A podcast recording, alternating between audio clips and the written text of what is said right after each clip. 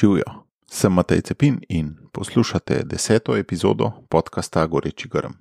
Tokrat je z menoj Benjamin Sitter, vodja ene največjih družinskih organizacij v Sloveniji, imenovane Družina in življenje. V vlogi vodje je sicer šele nekaj manj kot pol leta, a predaja je potekala že dlje časa in je že kar trdno v sedlu. To, da vodi eno največjih družinskih organizacij v Sloveniji, pa ni bil glavni razlog, da sem ga povabil v oddajo. Poznam ga že kar nekaj let in je zame zgled človeka, ki je dialoški, razmišljujoč, ki zna zbirati ljudi, jih potrjevati in skupaj z njimi sprejemati drzne odločitve. Povabil sem ga enostavno zato, ker je živi dokaz, kako močno lahko sledenje svojemu klicu človeka preoblikuje. V tej epizodi pa sem izvedel še eno pomembno stvar o njem. Eden njegovih najmočnejših gorečih grmov je bil, ko se je pri 20 letih zavestno odločil, da bo volan svojega avtomobila odstopil nekomu drugemu. Od takrat pravi, so se začele stvari drastično spreminjati. Imáš komentar ali vprašanje, si za sodelovanje, ali pa morda želiš preko srečanja tudi ti sam odkriti svoje goreče grme? Piši mi na Matej, afna socialna-akademija.si, pa gremo kar v akcijo. Že veš, kaj je tvoj edinstven prispevek k boljšemu svetu in kako ga udejaniti? V podkastu Goreči grm razkrivamo močne zgodbe tistih, ki že živijo svoje poslanstvo, zato da lahko ti najdeš navdih, prepoznaš svoje goreče grme in pogumno stopiš na novo pot. Živijo, Benjamin. Živijo, Matej. Tisti, ki poznajo tvoj začetek in konec. A je že konec? Tisti, ki poznajo tvoj začetek in konec, si mislijo, da je pa tako preveč pocukrana katoliška zgodba. Rojen dvema staršema, Danju in Vilmi Sitter, ki sta zelo znana katoličana, vsak dan prebirata svetopismo po pol ure, sta delala v tem fohu, pomoč družinam in zdaj ti tudi to isto. Se zdi tako res pocukrano. Ampak tisti, ki te pa mečkam bolj poznamo, pa vemo, da vmes ni bilo tako, da je bilo vmes tudi kar velik iskan. Pa me zanima, kako bi ti upisal ta umestna iskanja. Če te mal pohecam, dokdaj si bil tak predan katoličan, pa odkdaj naprej spet, pa kaj je bilo vmes. Hmm, ja, hvala, Matej, uh, da, da zgleda pocukrano v redu. Uh, sprejmem, ampak to je ponovadi tako, kot una, veš, kako lepo žensko, zelo, zelo nadelč, vidiš, pokaj se pa mal približa, pa ni več več tako zelo lepo. Tako da jaz v moji glavi, pa v mojem doživljanju sveta, uh, ni tega cukra tok, no, kot bi kdo mislil, res, ko pogleda od zunaj. Dejansko se moja življenjska zgodba začne v enem obdobju in domu, ki se ga kot otroškega spominjam res zelo idilično. Uh, bil sem prvi od štirih otrok in Uh, moja oče pa mama sta nekako par let predtem sem prišel na svet, že kot študent, res sprejela eno osebno odločitev za Kristusa in to ima je spremenilo življenje. Ampak to pač je pomenilo, da ja, je bilo tisto prvo obdobje zelo idilično, ogromno Jezusa, ogromno seminarjev, prenove v duhu, pa takih molitvenih skupin, ko sem bil jaz kot mehen še doma v Ljubljani. Baje so me dal v Bano in je bilo v stanovanju 20-25 kvadratni garsonjerci 17 plus ljudi nagužvano in so imeli taka molitvena srečanja in tako. In jaz sem s tem duhom ali pa v tem duhu rastel in jaz kot otrok se spomnim, da sem bil katoličan v tem smislu, da sem imel en res tak živ otroški odnos z Bogom. Za prvo obhajilo se spomnim tega doživljanja in mi je bilo tako res globoko in dragoceno in tako. Jezus gor, Jezus dol, jaz sem tako živel in potem v tistih 80-ih letih sem res prišel v osnovno šolo heroja Milke Kerin. Ko začneš tam govoriti o Jezusu svojim sošolcem, uh, smolar bi rekel, si neprilagojen.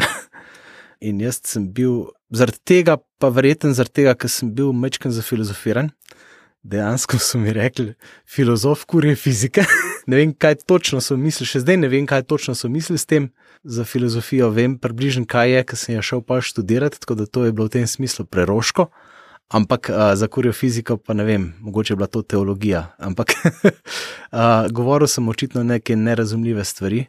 In jaz se spomnim, že v tistem osnovnošolskem obdobju se je ta moj odnos z Bogom začel krhati, Posebej dobro se spomnim tam nekje četrtega, petega razreda, ko sem jih na dnevni bazi od enega tipa fasal, redno. In sem živel v tisti frustraciji in v strahu, nisem hotel biti toži baba. In jaz sem mislil, da ni krščansko, če se fizično odzovem nazaj, stari. Potem sem pa spomnim se bral eno knjigo, ki je sicer odlična in sem jo zdaj pred kratkim spet prebral, Na življenje in smrt od enega pastorja.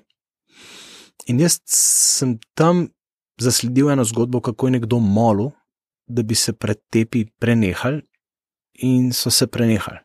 In jaz kot mulj sem se na to obesil in sem se z Bogom zmenil, da bo prenehal se, pa se ni prenehal. Ej, in v meni se je gradila taka zamera, tako tiščanje in tudi oddaljevanje od samega Boga. Pa sem šel sicer v krščansko gimnazijo, tle v Želimne, tam sem bil pa spet neprilagojen, ker mi je pa moja uporniška stran, najstniška, udarila na dan. Smo pač kadili, smo počeli vse sorte stvari, smo hecali od škofov do ne vem koga vse. Ker je tvoj naziv tvojega podcasta Goreči grm, en od prvih takih zares gorečih grmov je bil, da sem na modro priporočilo enega od vzgojiteljev v Želimlem, po neuspelem poizkusu drugega letnika, se pravi, sem ruknil letnik, um, šel potem v Brezce. Ko zdaj gledam za nazaj svojo zgodbo, sem tega zelo vesel. Velikrat sem se pa tudi sprašval, če je bilo to prav, pa zakaj je moglo biti tako, pa zakaj nisem mogel biti malo bolj priden, pa malo zdržati tam, koliko več bi se naučil enega reda, discipline. A veš, z tega vidika mi je bilo žal za tem, ampak no, tako. Tam v Brežcah si bil pa spet neprilagojen, mal ne? Ja, itak. Vedno, kamorkoli sem prišel, uh, takrat je bil oče v politiki. In dejansko, no, ko se pogovarjamo, kaj je župan? Ne? Župan je bil v Krškem takrat tista leta, ja, kot pri SKD-ju. Glih ta moja najbolj občutljiva leta. Lej, in, in tudi ta zgodba z njunim delom ne, se do leta 2000 ni začela, ne, se pravi, jaz sem bil pa takrat že star 20 let. Tako da glih ta najbolj občutljiva leta najstništva, v bistvu sem jaz rastel v enem hudem, hudem pomankanju očeta. Ne. Tudi sam ni imel te izkušnje, on je izhajal iz nezakonske družine, kot večkrat pove, ampak to je pomenilo tudi, da ni znal dajati naprej. Ne. In pa smo se doma zezali, wow, le jih župan je prišel na kosilo, da imamo, veš, tako, bili smo kao počeščeni, ne? čeprav meni je pa res, res, res primankovala ta povezava in ta stik. Ne? Iz tega ven se je gradilo tudi to uporništvo, tako da v brežcah, ja, lej, pač neki te pijačke je bilo, kadili smo kanorci, ni bilo pa tako napolno, kot so pa tam meni sošolci gažgali, tistmi pa tudi res ni sedelno. V resnici nisi bil tako devianten, samo zdi se mi, da si skozi kolebal med dvema svetovoma, tudi pol kasneje pri študiju. Ne? Kot da bi rekel, svet A je bil nek katoliški svet, svet B je bil pa nek svet tega sveta. Ja. Točno tako. Le, in v resnici sem Bogu hvaležen, da me je pel po tej poti, ker se izkaže za. A veš, če bi bil jaz samo v tem katoliškem mehurčku, ne, ne bi bilo dobro, oziroma jaz danes tega, kar delam, ne bi mogel početi na tak način. Ne. Ja, jaz sem pol v bistvu v brežcah. Mimo grede, vmes se mi je zgodilo to, da sem že kot zelo mlad mulj spoznal mojo zdajšnjo ženo Sašo ne? in da so začela hoditi leta 97, na dan, ko je umrla princesa Diana. Vprašanje, kam bi ta deviantna pot me pelala, če ne bi bilo tega. In ona si je rekla: Jaz se ne bom poročila s tipom, ki kadi. Imela je pa fanta, ki je zelo velik kadil. Ampak več o tem mačkem kasneje. Fora je v tem, da sem šel potem iz. Uh, teh brežic nisem takoj naredil mature, sem potem še nekaj časa bluzil, delal v enem pubu. Ne tam... sem, da so bile želimle preveč, tudi brežice so bile preveč. Okay. Veš, z šolo se pač nisem tako dobro razumel. Bilo je veliko ene nediscipline, bilo je veliko ene lenobe, pa zelo malo vere vase. Škoda mi je bilo tega, no, pol kasneje, ampak dejansko, sem, kar se tiče, bi rekel, svojega intelektualnega razvoja, sem vseen zaživel šele potem na faksu. No ampak da sem pa prišel do tega faksa, pa sploh ni bilo enostavno. Najprej, to je bilo tam leto 99, skoraj dobrega pol leta dela v tistem kafiču, potem sem šel služiti civilno vojsko na center za socialno delo, razvažal hrano, poučeval mulce, eh, invalide prevažal in tako tak zanimiv del. Veliko sem, bi rekel, z nekimi človeškimi stiskami se srečal. In tam vmes se je pa zgodila moja v resnici čista glavna prelomnica v življenju. No. Se pravi, ko sem bil še v tistem pubu, ob večerji smo hodili še kaj drugega, kaditi ne sem cigaretke s šefom, je rekel, pet bova enega rekla. in v tistem momentu mi je pa oče posegel vmes in to ne na način, da bi on sam kaj rekel ali pa naredil, ampak je sem rekel, veš kaj, tele Amerikanci, to so pa Američani, takrat je bil to tako imenovani Društvo Novo življenje, ki so delali s študenterijo, grejo pa na eno smučanje v Avstrijo. Tam je ful pocen, pet, jaz ti nekako mislim, da mi je plačal to, no, bilo je zelo ugodno. To je bilo tam nekje okrog Kicbila, bil je en šlos, Mitterzil, takrat je bil to nek študentski dom, zdaj je to en ekskluziven grad, sem pa gledal na neto. Ampak tista smočarija je bila dobra forano. Takrat so me oni pelali tja, čez dan smo res uživali smočal, zvečer smo pa imeli pač pogovore, ne? o čajčku, piškotkih in o Jezusu. Ne? Pa kdo je to bil v resnici? Protestanti, Campus Crusade for Christ, tukaj je bil en ustanovitelj Bill Bright, pač leta 2002 je umrl. In to je bila ena od večjih takih mednarodnih organizacij, misionarskih. No? V resnici um, sta preko te organizacije, kot študenta, starša spoznala Boga osebno. Evo, in tukaj se je meni zgodba na nek hecen način ponovila. Ne? Oni so mi povedali, kako in na kakšen način ima sploh lahko Bog, čist konkretno v mojem življenju, pomoči svetega duha, kakršen koli relevantnost in vlogo. In na ta način sem pol sprejel to osebno odločitev za Kristusa. Ne? In mi radi temu nalepko damo, da je to nekaj protestantskega, ampak v resnici sploh ni res. Ne? To imaš čist na prvih straneh katekizma katoliške cerkve, da smo vsi mi kot kristijani poklicani k temu, da sprejmejo v latinščini se temu reče opcijo fundamentalis, se pravi temeljno odločitev v življenju, ki je odločitev, da želim živeti kot kristijan, da želim, da ta stvar, ki jo je Bog naredil na križu, umrl, vstal, da to velja za mene. Pa se spomniš kakšnega tazga dogodka? Tam? Prav, ja, kaj se je to zgodilo? Na tem smučanju. Na tem ja, smučanju, prav... ob tistih večerjih, se spomnim, da me je en prijatelj, ki sva se pač veliko pogovarjala, je rekel: Pa si ti to že kdaj eksplicitno naredil? Sem rekel: Jaz sem kot pri šestih letih, kot mulček. Ne? Je rekel: Ok, to ne vem, če glih vela, ne? ampak ne, do neke mere lahko, ne? ampak dej, da bi ti to obnovil. Ne? In pa me je prav tako povedal skozi eno molitev. In, in sem jaz to molitev zmolil. Se pravi, molitev gre pa predvsem v tem smislu, da ti pač priznaš Bogu, da je Bog, če šele ti si Bog, ne jaz. Priznam, da rabim tvoje odrešenje v resnici. Prosim, da prideš pa to narediš za me, Jaz želim, da ti vodiš moje življenje, ne jaz, da ti vzameš tako rekoč volan mojega življenja v, roke, v svoje roke. Ne? In ti veš boljš, kot jaz. to je ta pač molitev, ki se je takrat zmolila. Jaz takrat nisem nekega blaznega razsvetljenja doživel. Ne? Ampak, če grem dosto podrobno v to zgodbo, kaj se je potem dogajalo. Forale, prišel sem domov iz tega smutnja in sem naslednji dan šel s tem kolegom, s tem šefom, kaditi joint, tako kot prejšnji dni. Ampak tisti večer me je mat dobila. Tisti večer me je kot zdravnica pogruntala, da imam neki čudne rdeče očke in rekla: Si slučajno zadet ali kaj. In to jima je strlo srce, očetu pa mami. Pazi, kako pa jaz vidim delovanje Boga v tistem momentu v mojem življenju, da je njuno strto srce meni karkoli sploh pomenilo, da je mene potrlo to, da je njo potrlo. Tako je takrat v tistem prvem trenutku Bog očitno deloval že v meni. In jaz tudi tistega momenta, ko sem videl to njuno bolečino, jaz tudi takrat nisem nobenega jointa več v življenju pokadil. Recimo. Si upaš reči, da vsak najstnik gre do te meje strtega srca staršev na nek način? Ja, mislim, po mojem, najstnik namensko išče to točko. Ne? Zdaj, kaj se v tej točki zgodi, no, pa jaz čisto konkretno mislim, da je tukaj nekako prisotno božje delovanje. Ali je pa priložnost za eno spreobrnenje ali ne. ne? In jaz v resnici, gledaj, ker sem omenil, da je Saša rekla, da bo imela fanta, ki mislim, moža, ki ne bo kadil. Ne? Jaz sem takrat že tri leta hodil z njo, ne? pa sem kljub temu kadil po škatlu plus na dan cigaret, jaz nisem zdržal enega dneva brez cigareta. Ampak šele po tej temeljni odločitvi se je v meni začela leta 2000, februarja, evo zdaj bo spet obletnica, se je v meni začela oblikovati želja, da bi pa nehal kaditi. Prej boli mene. In potem sem parkrat probo čez tisto poletje, za veliki petek, takrat sem rekel: Jaz pa danes ne bom kadil. Dve minute čez polnoči sem že rauho. Jaz nisem zdržal brez, tako res, res sem bil navaden. No, no ampak uspel ti pa je ne. Ne, ni mi uspel, Bog je to prav zir, kot čudež, jaz, Matej, lej, sorry, vem, da strašno, strašno čizi zveni to.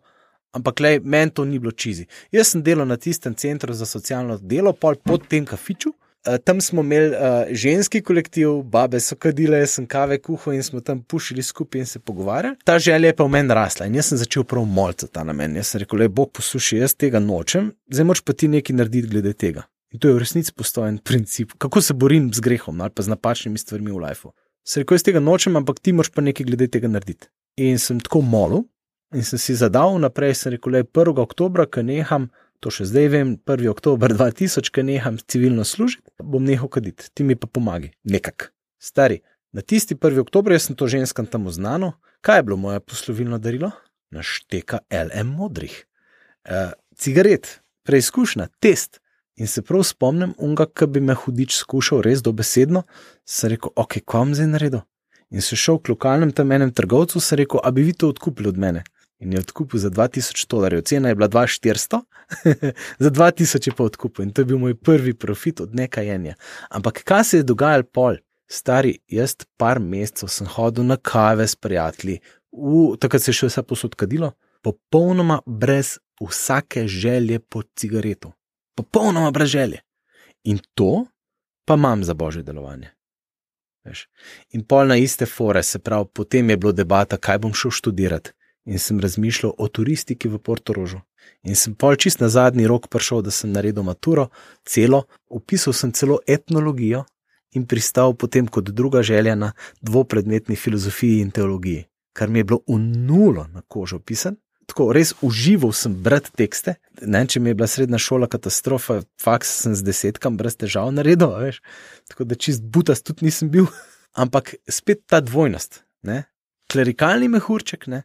Pa en čist rdeče, rdeče obarvana filozofija. Ne. Po čem se je to videlo, da je bila rdeča obarvana? Potem, da me je pribac zloglasni zlovešči zdaj le trenutno na, na izpitu spraševal, če res verujem v transubstanciacijo in tako naprej. Potem, da je cvetka tot govorila, pravkar pokojna gospa, ne, govorila o generaciji 69 in tako naprej. Potem, da smo, a veš, fulje bilo teh stvari na filozofiji, ki so bili, a veš, profesori. Um, moralni partikularizem, in tako naprej. To, to je šlo vse, to so bile te badjujevske, to so bile te sodobne levičarske teze. Vidiš genezo tega, no? zelo dobro mi je bilo, ker vidiš genezo idej, odkot prihajajo, preko katerih kanalov so prišle in kako so ratale kar mainstream v današnjem času. No.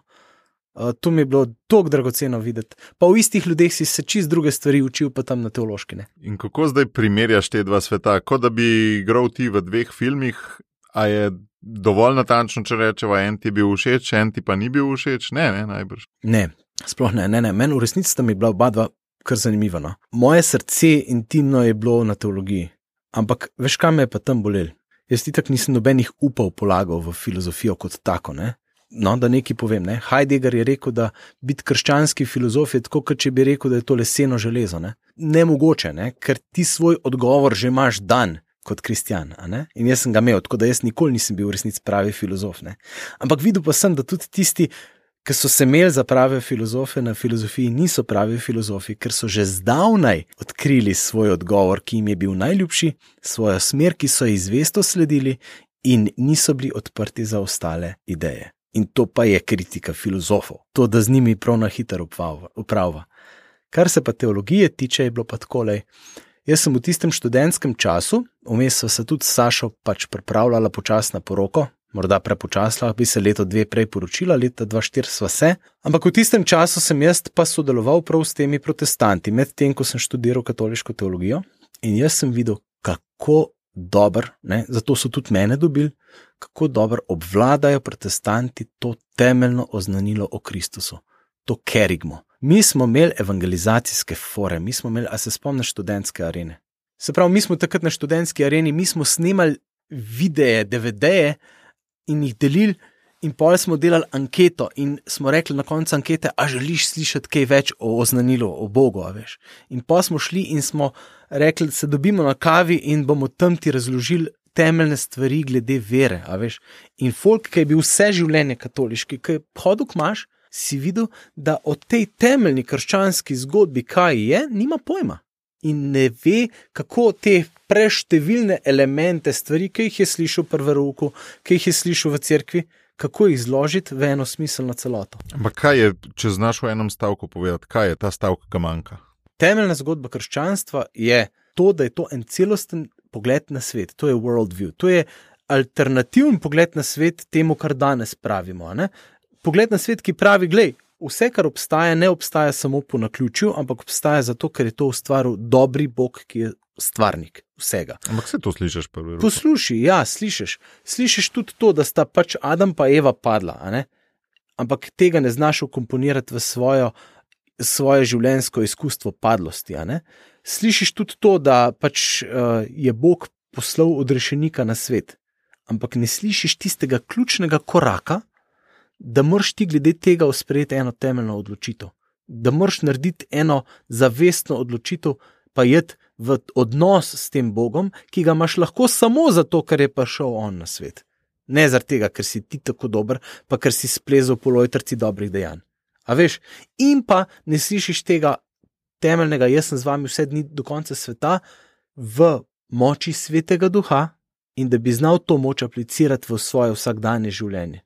Meni se bolj zdi, veš, kaj, da to vse slišiš, ampak da med unimi 130 plus vprašanji ni nobene druge vrste naloge. Se pravi, vse se gre na kognitivno, Ja. da, ne, ni pa nobene une naloge v smislu, ali si ti zdaj le pripravljen to pa to. Tak challenge. Matej, lej, moja hčerka je zdaj le dobila, kar je korona, so jih zreducirali iz 140 vprašanj za Birmo, so jih zreducirali na 78.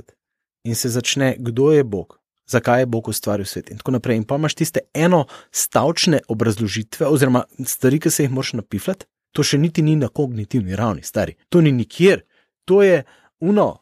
Ja, razumem, je, je, je ekstrakt, ekstrakt od ekstrakta od, kat, od, od katekizma katoliške cerkve. Se pravi, imamo tudi debel katekizem, pol imamo kompendij katoliške, pol imamo UCAT, pol imaš pa deljeno za 15, je pa tole. A veš, ko bi mulcem vsaj UCAT znali odpredavati takrat, kadar oni to sploh zmorejo dojemati. Ne? Pazi, Jezus je blagoslavljal otroke, pa je poučeval odrasle, mi pa blagoslavljamo odrasle, pa motorje, otroke pa poučujemo. Ne? A veš, ampak vera, to smo pa z enim župnikom enkrat rekli, ne? krščanska vera je v resnici čist preveč močna stvar, da bi jo otrok lahko v polnosti dojel. Tako da jaz zelo se sprašujem, imam tudi eno osebno izkušnjo z dve leti nazaj, kakšen je sploh smisel tega osnovnošolskega veruka v taki obliki kot je ene. Ampak pustva to temo, to je za drugič. Pri vsakem marketingu si moraš neko ciljno skupino definirati. Ne? Zdaj si odprl vprašanje na nek način, kera ciljna skupina, pri katerih letih bi bila najboljša, da se osebno sreča z Jezusom, oziroma bi bila, če imamo omejene moči, kera starost bi bila najboljša, da se njej naj, v največji meri posvetimo. Matej, jaz mislim, da je v resnici še precej bolj temeljno vprašanje. Eh, Simon Sinek pravi: za- začnite za zakaj ne. V resnici se moramo najprej vprašati, začnite za zakaj. zakaj sploh delati ta marketing? Ne? Ker očitno, če mene vprašaš, pa če pogledaš tako zelo na počest čez katoliško sceno, tega odgovora nima skoraj noben, ne? oziroma imajo redki. Zdaj sem imel pogovor z enim možakarjem, ki mi je tako dobro rekel: Matej, Bogi so ljudje, ki niti ne vejo, kaj pogrešajo. Dejstvo pa je, da vse človeštvo nekaj pogreša. Na nas je, naš zakaj je, da je to tisti Jezus. Prav čizi odgovor, ampak Jezus, ki je živ in ki želi živeti v odnosu z vsakim od nas, ko ta odnos enkrat doživiš na osebni ravni. Ne, pa poznaš ene statistike, v Ameriki so delali med temi, ki hodijo k maši, aktivnimi, je tukaj mogoče 5% takih za ZDA, mogoče pri nas 10, ampak več pa ne.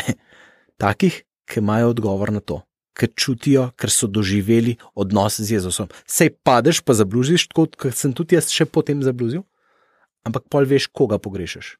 Težava je potem, da velika večina tudi katoliške populacije ne ve niti, kaj sploh pogreša, in kljub temu, da je tako blizu, bi rekel, narekovaju koritu ali pa hrani, dobiva, se pravi, se hodi k mačka okoli vrele kaše, kerigme, oznanila, pa ne dobimo s tako jasnostjo in na način, da bi ga razumeli, ja, da bi bilo prilagojeno ciljni publiki. Se mi zdi, da si ljudje sploh ne vzamemo pravice zahtevati sreče. Imamo možnost, da se naši darovi razvijajo v polnosti. Ampak imamo mi pravico te čudeže dobivati od Boga ali ne? Jaz bi rekel tako, na začetku poti, ko začneš duhovno hoditi, ti jih bo par potalov tako na veliko, razsipov ti jih bo, da te bojo zares zadelo glavo in da jih boš ti zares očitno opazil. Pol kasneje, ko pa to temeljno izkustvo imaš, potem je pa pot tega stalnega vseživljenjskega spreobračanja, ko moraš se pa za to tudi malo potruditi. In ta trud je pa dejansko ustrajanje, vsakodnevno ustrajanje, ne zdaj pa zelo klišejsko, pa zelo tako, kot moja ata pa mama zvenim, ampak le ustrajanje ob njegovih nogah, zjutraj najra, najraje, vsakodnevni čas z Bogom mi govorimo o stotinki za Boga, minimalno, se pravi, stotinka dneva je 15 minut, ne? 1440 minut v dnevu, ne? Ja, deljeno za 100 je 14,4 minute. Ne? To je čisti minimum, da ti se povežeš z Bogom. In ko to narediš zjutraj, tako je moje izkustvo, potem tudi čez dan odkrivaš te čudeže, ki sprašuješ po njih. Ne? Pol odkrivaš in ti je cel life lahko en tak čudež, ena taka, kot je sestrca zanj govorila Andreja Godničeva. Ne? pa je to ena pustolovščina, pa je to nekaj zanimivega. Ne? Jaz moram priznati, da kljub temu, da sem potem kasneje in delal na svetopisanski družbi in prišel v Diš in tako naprej, da ne živiš vedno tako. Ne? In v enem takih slabših momentov, ne, to lahko iskreno povem, me je dobil. Ne vem, če se spomnite, pred leti nas je obiskal londonski gangster, ne, John Pridmore, recimo, so ga iz družine povabili ne, in sem ga prevajal. Uh, ko so se enkrat tako ob kosilu pogovarjali, ne, me je možakar vprašal, je rekel, koliko pa ti na dan preživiš z Bogom. Ne? In v tistem momentu sem jaz iskreno povedal, tako stari med 5 pa 10 pa 15 minut na dan. Ne? Zdaj pa moramo v angleščini povedati, kaj mi je povedal nazaj, ker je tako pomensko grozen. How dare you inflict yourself upon others? Ne? Kako si upaš težiti drugim s samim seboj? Delaš v krščanskih organizacijah, a v bistvu ti folku prodajaš sebe, ne pa Jezusa. Ne? Mi je bila zanimiva tvoja misel. Ne? V tem mračnem svetu mi lahko samo odsevamo ta mračni svet, lahko imamo pa mi v očeh luči. Ne? Pravi Jezus, vi ste luč sveta. Ne? Če se luč skrije podmernik, ne? komu bo svetla? Ne? Ali pa vi ste so v zemlji, če se so v spridine. Lej, mi se pritožujemo, kako je ta svet temačen. Ne? V resnici so pa te luči v naših očeh, se morajo prižigati vsakodnevno ob srečanju z Jezusom in pol iz tistega srečanja ven lahko mi svetimo v svetu, drugače ne. In ker ne, večinoma, folk nas pa gleda, nas posluša, tudi mene, moji prijatelji, ne? se me poslušajo, pa vidijo, o čem govorim. Ne? Pa je slom še rekel, česar polno je srce, to usta govorene. Pa če jaz govorim o avtomobilih, pa jih imam rad, ne pa je v redu do neke mere. Ampak če govorim o avtomobilih, če govorim o, o denarju, o bajti, o mojih samo problemih, potem bojo oni v meni, bojo sem to videl in ne bojo dobili luči. Če hujš pa če obrekujem, če govorim z, iz sebe ven zamero, če govorim iz sebe ven frustracijo, jezo, se vse to je tudi v življenju kristjana, normalno. Ampak če je to predelano skozi božje v meni, pa je to čist nekaj drugega, kot če sem sebe bruham ven.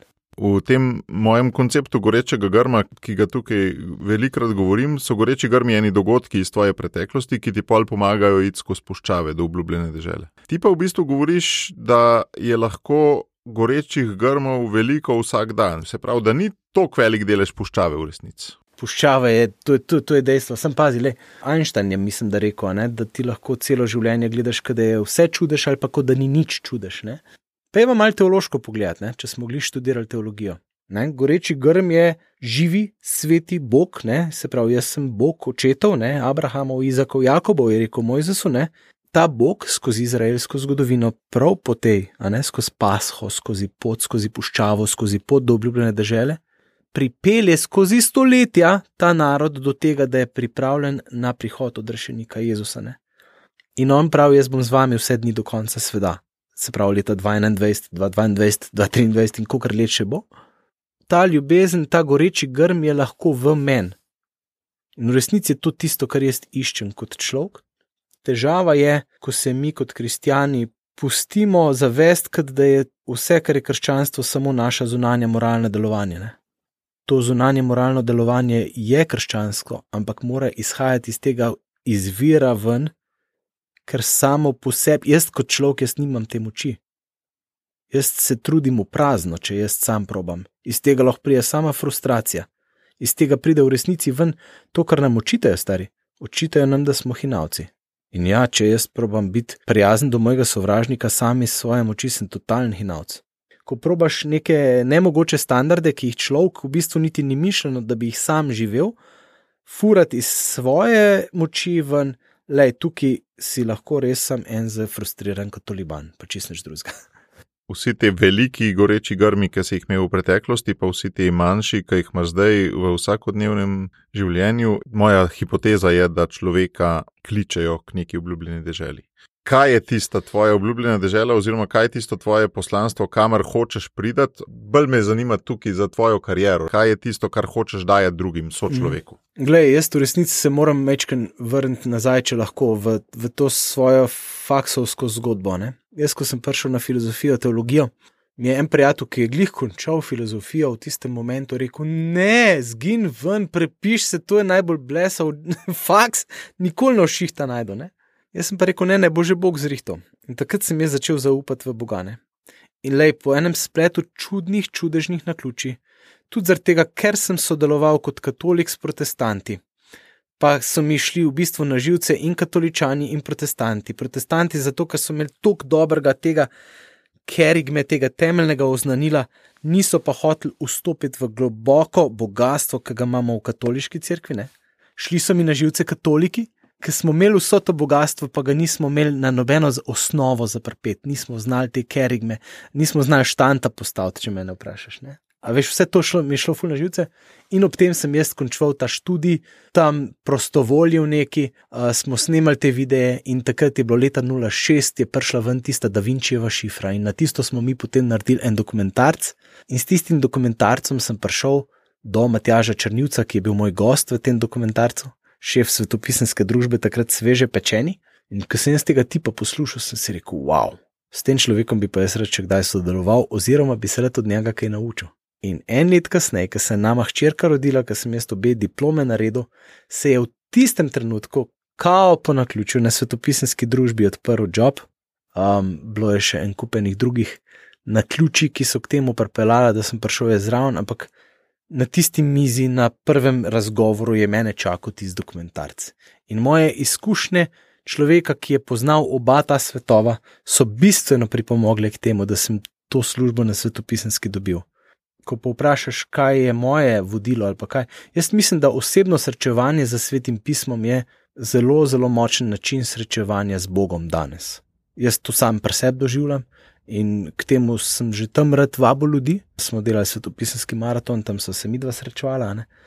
Po drugi strani pa vidim, da pri družini in življenju, kamor sem se pa začel pridruževati leta 2013, povemo vse to, vstopimo v to, ampak vstopimo skozi resnično potrebo gradnje odnosa. Tukaj v resnici je tisto, kjer ljudi čevelj žuli. Danes mi se ukvarjamo v resnici z neskončnim problemom, zdaj odkar je korona še precej, precej večji. Kako v tem svetu graditi dober odnos? In tukaj v tem svetu gremo nazaj.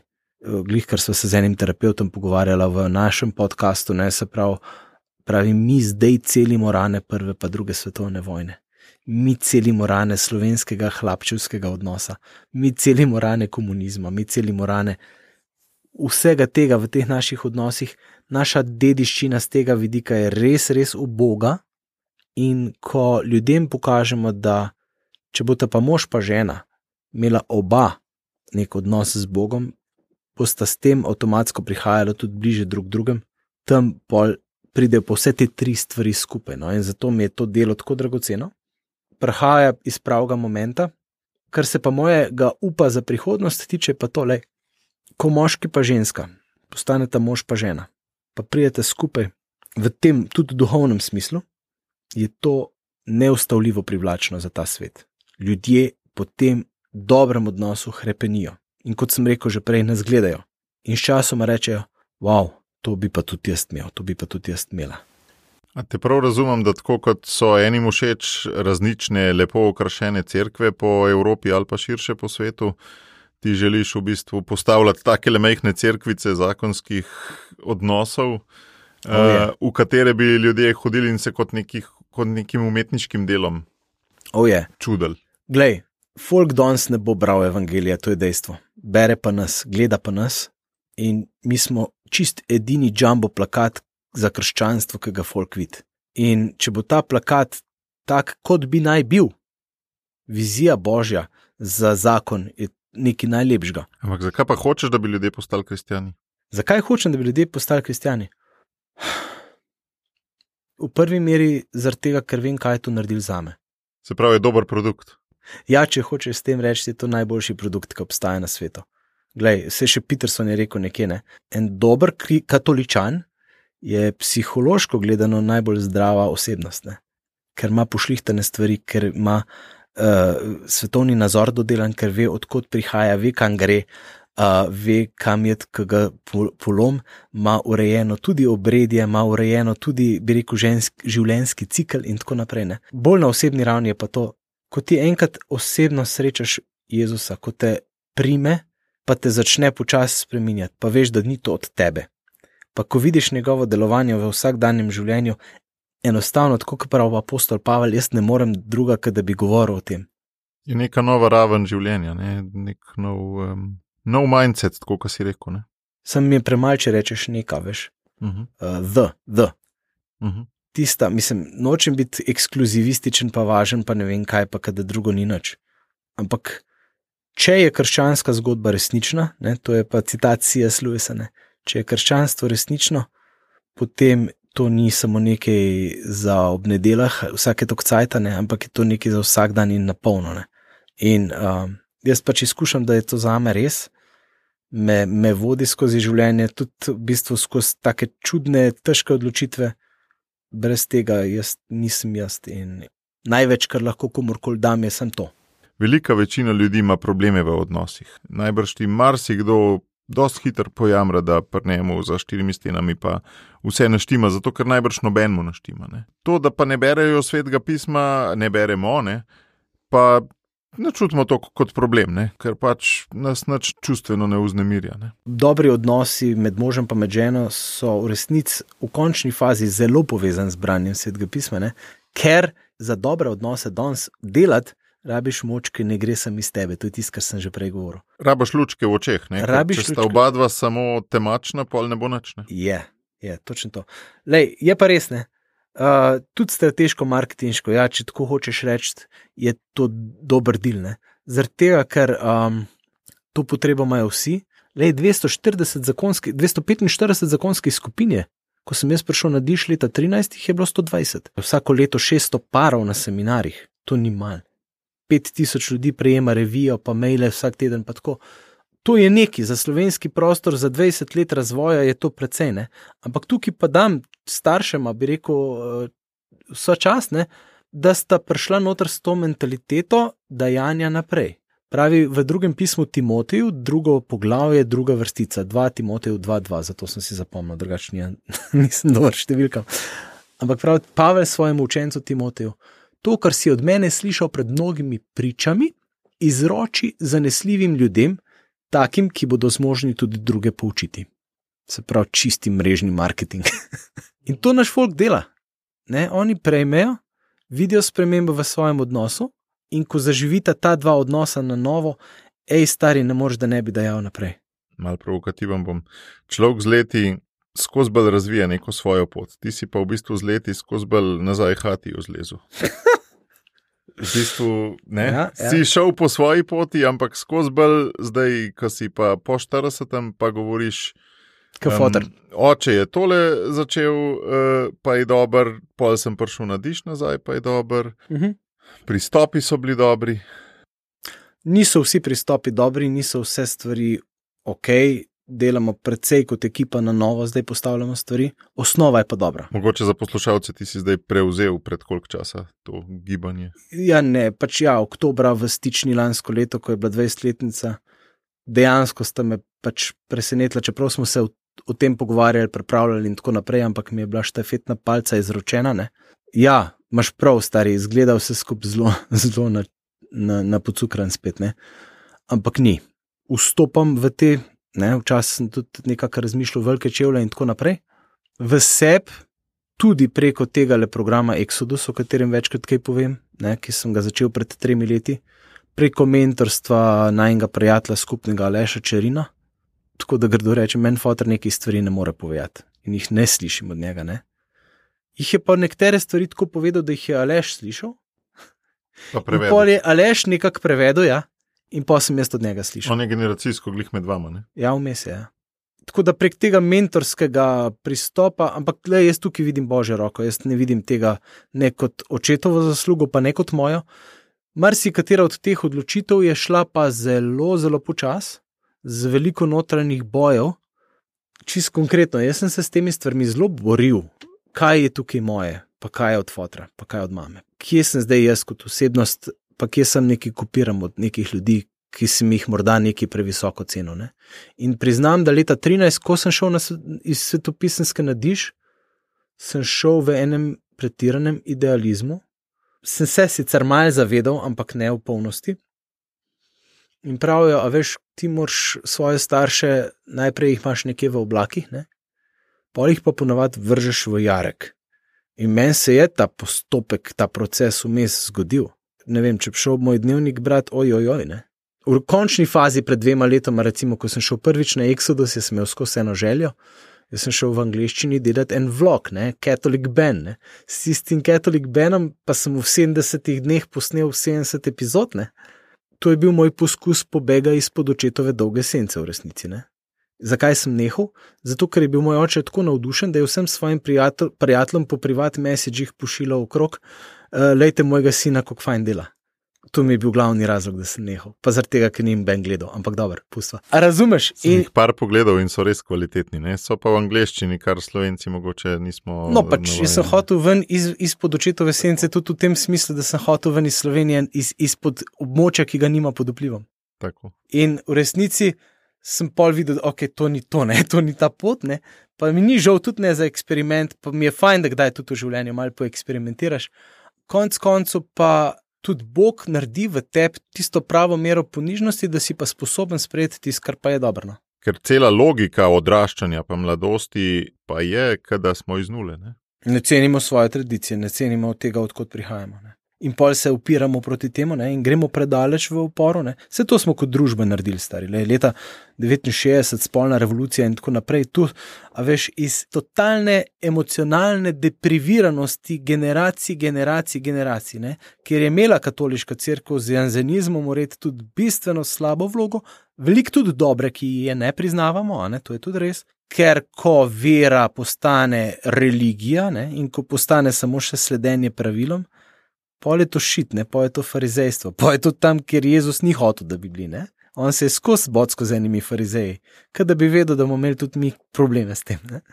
Ampak upor je bil, ne. zdaj le naša generacija, ti pa jaz, pa še mulci mlajši, milenici in tako, pa prihajamo nazaj, da pa se mi zdi, da prav, evo, prav prek takih pet podcastov, ne, ki jih tudi mnogi iz, iz, iz angleščine poslušajo in tako. Ogromno ene dobre, tradicionalne, tudi tradicionalistične, ampak pustva to temo vsebine prihajajo nazaj z velikim korakom. Mi moramo iz tega obojega ustvariti nekaj čist novega. In tudi v odnosih ne, med možmi in ženami je to isto vela. Mi ne želimo iti nazaj v dober stari katoliški zakon. Ne. Želimo pa, da katoliški zakon na novo prevetren, na novo premišljen, na novo doživet, postane nekaj privlačnega za prihodnost. In kakšna je ta vizija? No, gled, konkretno za Slovenijo, mi smo take divje številke rekli pred leti, pa se zdaj stvari približujejo, pa nas je malo strah, ampak verjamem, da Bog ima to moč in tudi v nas neke, neke ideje se porajajo, zdaj ali bomo imeli pogum in prav slediti, je vprašanje. Ampak le, mi smo rekli tako, do leta 25 naj bi 25 tisoč parov v Sloveniji nekako bilo povezano z dižem, imelo prenovljene odnose. In ko ima neka dovolj velika kritična masa ljudi, to je konkretno 7 odstotkov vseh poročenih parov v Sloveniji, je ta številka, in zadaj, seveda, pač so družine, okolica in tako naprej. Ko dovolj ljudi živi to, da to postane v družbi opazno, ko dovolj folka vidi te prenovljene odnose, si želi tudi to imeti. In tukaj pa lahko pridemo čist direkt do te točke preloma, ne? Malcolm Gladwell v tej knjigi to govori. Ne? Ko prideš do tega, da družba uvidi kot celota, ne? se pravi, tem zgodnim uh, pionirjem sledijo prvi sledilci in potem pride zgodna večina. Ne? Da niso samo ali adapteri. Ne? Tako, tako da, da, da pride ta zgodna večina ne? in potem pride še pozna večina, eni pa ne bojo nikoli prišli, ampak je v redu. Ne? In ta premik, ta shift narediti, jaz mislim, da lej, vse, kar je manj od tega, je brez veze. Pač vsaka družina, ki jo rešiš ali pa ki ji pomagaš, je vredna. Ampak kot vizija, kot klic, kot nekaj, kar. Uh, se splača delati za mene, jaz sem megalomanc, me, meni je všeč razmišljanje iz globala, jaz za podrobnosti sem zelo zanač, ampak vse, kar je manj kot to, v resnici me ne, me ne vleče dovolj. Ne? Ti je pol vse, če se ne uresniči? Ni mi vse. Ne, je pa res vprašanje, če me pa dovolj motivira v konkretnem trenutku, da naredim, kar je potrebno. To je pa že pol iz teorije v prakso. to, kar si zdaj govoril, tako močna vizija, velika stvar, se sliši v bistvu zelo voditeljsko. Ne? Se imaš ti za voditla ali bolj za učenca, ker voditelj zdaj moraš biti. Kako je zdaj s tem? Si voditelj, si učenec, kaj si? Jaz mislim, da moramo biti vsi najprej učenci, če hočemo biti voditelji ti moraš ostajati učenec, če hočeš biti voditelj. Ne? Iz učenca, ki je samo učenec, pa počasi, ali pa včasih tudi zelo malo postaneš tudi voditelj. Vse ljudje vodimo uh, veliko prej, kot si mislimo v resnici. Ne? V svoji družini najprej, ne? pa je tukaj veliko se za uh, pogovarjati. Ne? Moja žena, to sem rekel, da bom povedal, ne? moja žena ima odlične senzorje za krščanski bulšit in mi zna zelo hitro kaj uh, povedati, kje ga serem in je to božji dar v resnici s tem prevzemanjem vloge voditelja, ne, je pa pač tako, da se mi počasi dogaja. No. Lej, dobesedno, hvala Bogu, imam zdaj lahko spet na, kot sopotnika in mentorja spet alešane. Ker ga zdaj vmes s to boleznijo ni bilo in ki je bilo veliko vprašanje, če še bo. Vsako to. vodenje se mi pa zdi, da je povezano z nekimi puščavami. Ne? Bi znal ti zdaj proti koncu še kakšno puščavo podeliti, s katero se pa zdaj srečuješ? Glej, definitivno jaz eh, nisem človek, ki bi že prispel. Jaz sem človek, ki sem na poti. Ena od mojih temeljnih puščav, ki sem jih moral prečkati, pa še nisem čist čez, je ta, da v resnici samega sebe spremem, da se spravim s samim seboj, da je v redu, da sem takšen, kot sem, da sem filozof, kurje fizike. A veš, recimo, jaz, ko sem tebe kdaj opazoval pri tvojem voditeljstvu, ne? ali pa kogarkoli drugega v teh naših krogih so ste se mi vsi zdeli neskončno bolj sposobni od mene. In sem se zmeri počutil zelo prestrašenega, negotovega, nesposobnega, kot sem že rekel, in nevrednega. Ta puščava je bila za me zelo dolga, ta pot. In jo zdaj v resnici z božjo pomočjo, pa skozi Exodus, prečim. In že slutim obljubljeno državo, nisem pa še čist tam na tem konkretnem področju. Ne? Ampak, lej, že to, da se mi dva tle pogovarjava, pa da jaz uh, coming out, ne. A veš, z nekim uh, razkritjem samega sebe, pa da je to, kar sem zdaj le povedal, karkoli vreden, morda komorkoli, v resnici sam sebi dovoljujem, da je ok. Zanimivo mi je, da vsi ljudje, ki jih spoštujem, mi govorite. Predvsem o notranjih puščavah, zelo malkrat rečete, da je okolica taka, da vas namara, kot je bil prvi Mojzes v faraonu. Glede, svoje, da faraoni pridejo, ampak tudi grejo. Mislim, v resnici ni treba se te boriti z njimi, ampak Bog oddela ta boj. Uh mhm. -huh. Pazi, ne? moj žiga ima zelo najraž, da se igrava, da, da je on David, jaz pa goljat in da mi zabriše pračo in da padem po tleh. Ne?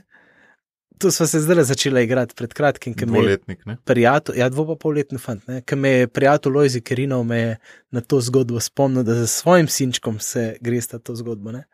V življenju niso, sem faraon, niso tudi goljati. In, in, in dejansko, le ta družba, kamor gre, z vsem, kjer smo, to se zdijo kot neskončni boji in kot boji, kjer res nimaš možnosti za zmago. Ne? Ampak, če ti oddelaš noter v sebi, le bo Bog zrihtel, da se bo odzuni poštimal, tako je treba. No? Tako kot sem enkrat slišal, da je en papež imel tako molitev, ki ga je skrbel to, pa ono, pa tretje. Pa moj Bog rekel: hej, ne skrbi se, ti si sam papež. še jaz tlene. Ja, točno tako le. se, ti si sem Benjo, se ti si sem Mateja, veš, mislim, sej. On ima pa volan v rokah, če mu pustimo. To svobodo pa imamo. Ljubitelj avtomobilov, o tem nismo več spregovorila. Vse smo zadnji s komotarjem. ja, uh, za poslušalce, pogledajte si video na YouTubu Družina in življenje, pogovor Benjamina in Cirila komotarja, res eh, fantastična stvar, ki tudi mene ni pustila hladnega. Čeprav nisi to ljubitelj avtomobilov. Čeprav nisem ljubitelj avtomobilov, to je treba povedati. Sva govorila o plehu, pa nisva bila plehka. Tako. Bi se za konc še karkoli vprašal? Ne, mislim, da smo bila zelo izčrpna. No, da, uh, hvala, Matej, v bistvu sem ti hvaležen, da si me imel za vrednega biti tvoj sogovornik. No. Tudi to pa vseeno mi daje neko priznanje, pa to, da pač se je vredno tudi z menoj pogovarjati no, in da, da imam kaj povedati, ker pač te stvari, ki jih doživljam, se mi pa tudi v pogovorih z mnogimi no, kažejo kot nekaj aktualnega, nekaj potrebnega. Tako da hvala Bogu, če lahko s tem še koga nagovorim. No. Ja, hvala tebi.